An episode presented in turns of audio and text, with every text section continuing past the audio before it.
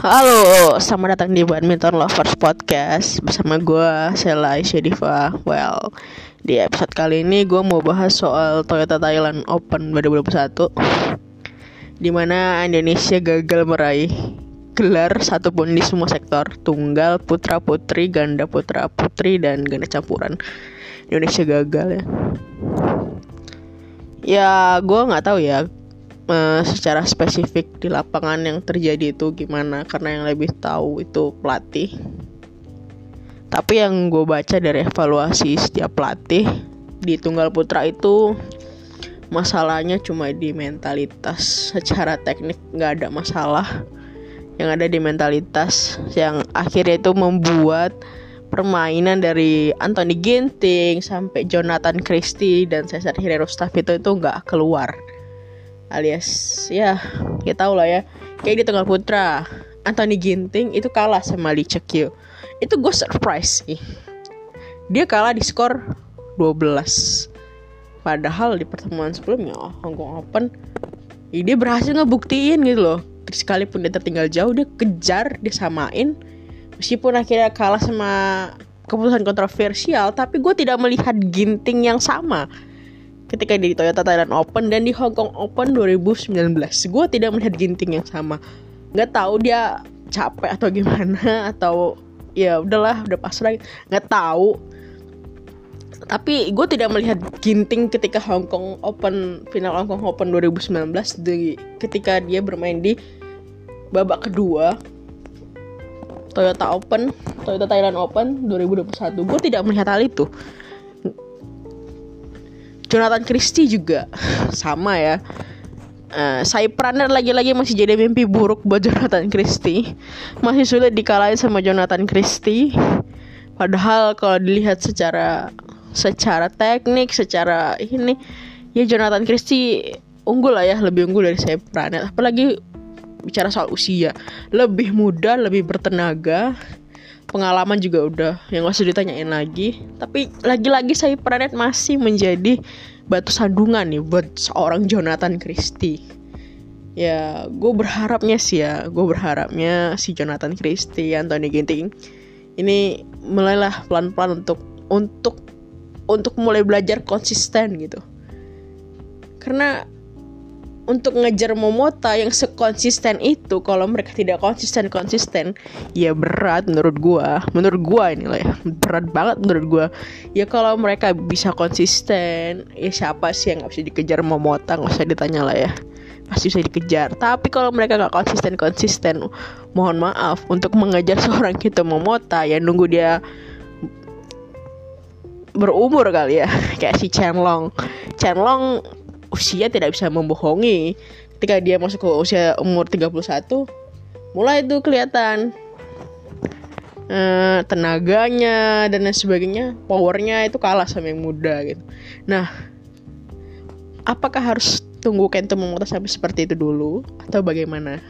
Gak tahu ya, nggak tahu ya. Kita berdoanya sih Anthony Ginting dan Jonathan Christie bisa segera matang karena mereka nggak bisa lagi dibilang muda udah usia 24 dan 23 tahun apa ya? Nah itu udah usia menurut gue udah mulai mencapai puncak-puncak keemasan lah. Kayak si Kevin Sanjaya ya. Kevin Sanjaya 25 tahun udah 20-an tahun dia udah udah udah bisa mateng. Ya kenapa Anthony Ginting dan Jonathan Christie nggak bisa? Menurut gue bisa asal apa ya punya keinginan yang kuat dan meng mengabaikan hal-hal di sekeliling dulu popularitas penghasilan dan lain sebagainya. Itu ya nantilah ya. Menurut gue penghasilan dan popularitas tuh akan berjalan beriringan ketika si Jonathan Christie dan Anthony Ginting itu bisa konsisten meraih banyak gelar. Siapa sponsor yang nggak mau mensponsori mereka gitu ya? Contohnya kayak Kento Momota lah. Yonek juga spesial. Terus yang lain juga spesial ya. Semua serba spesial. Asalkan bisa raih gelar dan konsisten jadi gue berharapnya gitu sih buat tunggal putra ya. Tunggal putri gue sejauh ini masih no comment. Masih banyak banget PR di tunggal putri dan ya kita lihatlah bagaimana seorang Rioni Mainaki yang juga seorang kabit bin pres PBSI yang baru menjalankan double perannya double perannya sebagai tung kepala pelatih tunggal putri dan kabit binpres apakah pengalaman yang dia miliki di Jepang itu bisa membawa Indonesia kembali menemukan Susi Susanti yang baru yang sudah lama sekali tidak hadir di sektor tunggal putri Indonesia? Kita tidak tahu.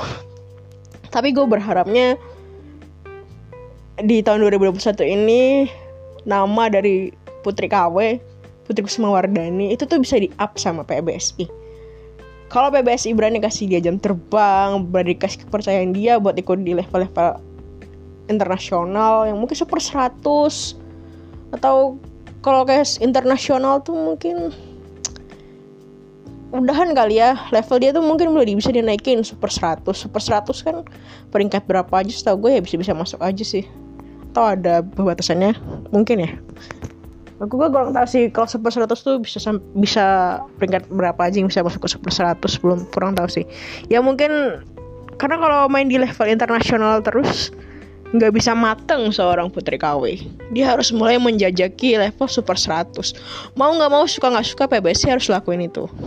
Biar bisa naikin rankingnya. Karena kalau dia nggak main di super 100 itu susah buat naikin rankingnya. Karena level internasional tuh tidak berpengaruh banyak sama poin untuk naikin peringkat kan ya. Kalau kayak gitu kapan dia bisa debut di BWF World Tour? Super 300, 500, 750, 1000 susah sulit. Nah makanya PBSI harus mulailah mulai beranilah untuk dorong seorang Putri KW dan teman-temannya itu yang punya bakat untuk banyak ikuti turnamen di level internasional super 100 lah minimal di tahun 2021 ini. Ya kalau tahun kalau misalkan di tahun 2021 ini ternyata banyak hasilnya hasilnya tampak ya berarti kan dia tahun 2022 ya seharusnya seterusnya bisa meningkat ya. Tapi ya kita lihat bagaimana PBSI ya. Soalnya PBSI juga kayaknya baru kesulitan pendanaan nggak tahu juga kesulitan apa enggak setelah PB Jarum memutuskan mundur dan menarik semua sponsornya nggak tahu. Ya kita lihat ke depannya gimana apa yang akan dilakukan oleh seorang Rioni Mainaki untuk Indonesia bisa menemukan kembali Susi Susanti yang baru. Ya let's see ya. Nah untuk ganda putra ini ganda putra menarik banget nih di Toyota Thailand Open 2021 bicara soal Asan Hendra, Asan Hendra masih Asan Hendra yang pada tahun 2019 lalu itu tampil luar biasa dan memukau. Masih sama mereka sebenarnya. Cuma satu kesalahan yang dilakukan pas semifinal kemarin itu menurut gue error di poin-poin kritis. Ya, Hendra Setiawan mengaku itu di statement di after match. Dia bilang saya melakukan error di poin-poin kritis dan itu yang menyebabkan uh, kerugian buat mereka.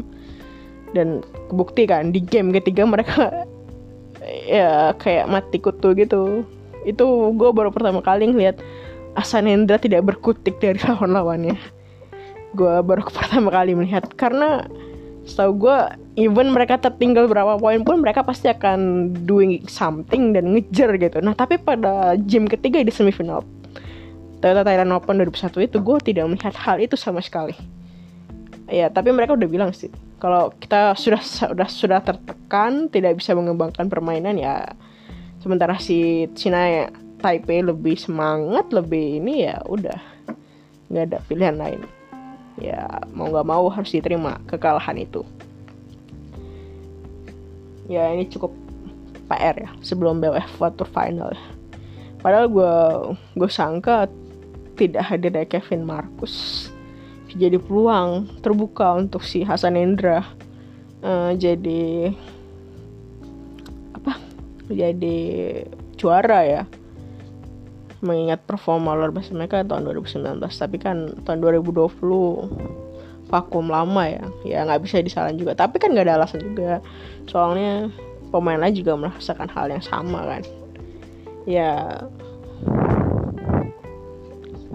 tapi ya Hasan juga cedera sih ya.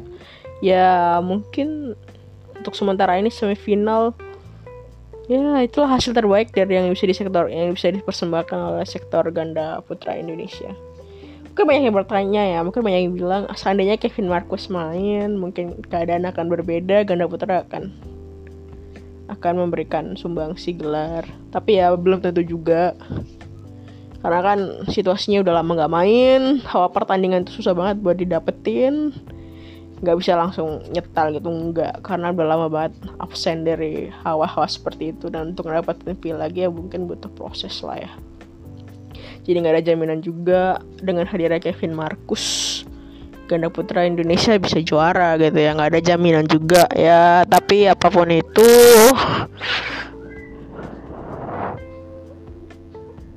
ya didoain aja semoga nanti di BWF Tour Final ganda putra Indonesia yang absen di ng ngasih gelar di Toyota Thailand Open itu bisa kasih gelar lah ya untuk untuk Indonesia di WTF 2020 nanti. Ya itu untuk ganda putra dan untuk ganda putri Gracia Apriani gue mengakui dengan salut bahwa mereka tampil dengan performa yang luar biasa. Hanya memang di semifinal kemarin mereka lelah. Mereka udah kelihatan banget lelahnya. Yang bisa dipungkirin ya, main dua minggu semifinal sampai semifinal lagi itu udah capek banget sih. Capek banget sih itu. Tapi mereka bisa nyampe ke situ dan menurut gue itu udah keren banget. Ya semoga di WTF bisa tampil lebih maksimal bisa jadi juara. Ya minimal dapetin momentum lah. Tidak ada Cina Jepang. Ya Korea mereka menurut gue sama sih ininya. Skillnya sama Korea itu masih imbang-imbangan sama Korea Gracia Apriani tapi kalau Cina Jepang mungkin rada-rada susah kali ya. Karena Jepang itu defense-nya gila sih. Defense-nya gila smash-nya gila. Ya sekarang ini ganda putri Jepang tuh memang cukup-cukup berbahaya lah rada-rada lah ganda putri Jepang. Tapi untuk Korea menurut gue level Gracia Apren itu masih sama sama pasangan-pasangan Korea. Nggak jauh-jauh amat. Dan ya semoga kegagalan di Thailand Open itu bisa jadi semangat buat mereka untuk ngasih gelar di WTF 2020 ya. Amin. Untuk ganda campuran. Nah ini PR banget ini ganda campuran. Gue gak tahu apa yang terjadi dengan Preven Jordan melatih Daiva ketika jadi runner up di Yonex Thailand Open gue juga bertanya-tanya kenapa mereka bisa seperti itu mainnya? Gue nggak tahu. Apa yang ini? Dan pelatih juga mengakui bahwa mereka gregetnya itu tidak seperti di All England. Beda gregetnya.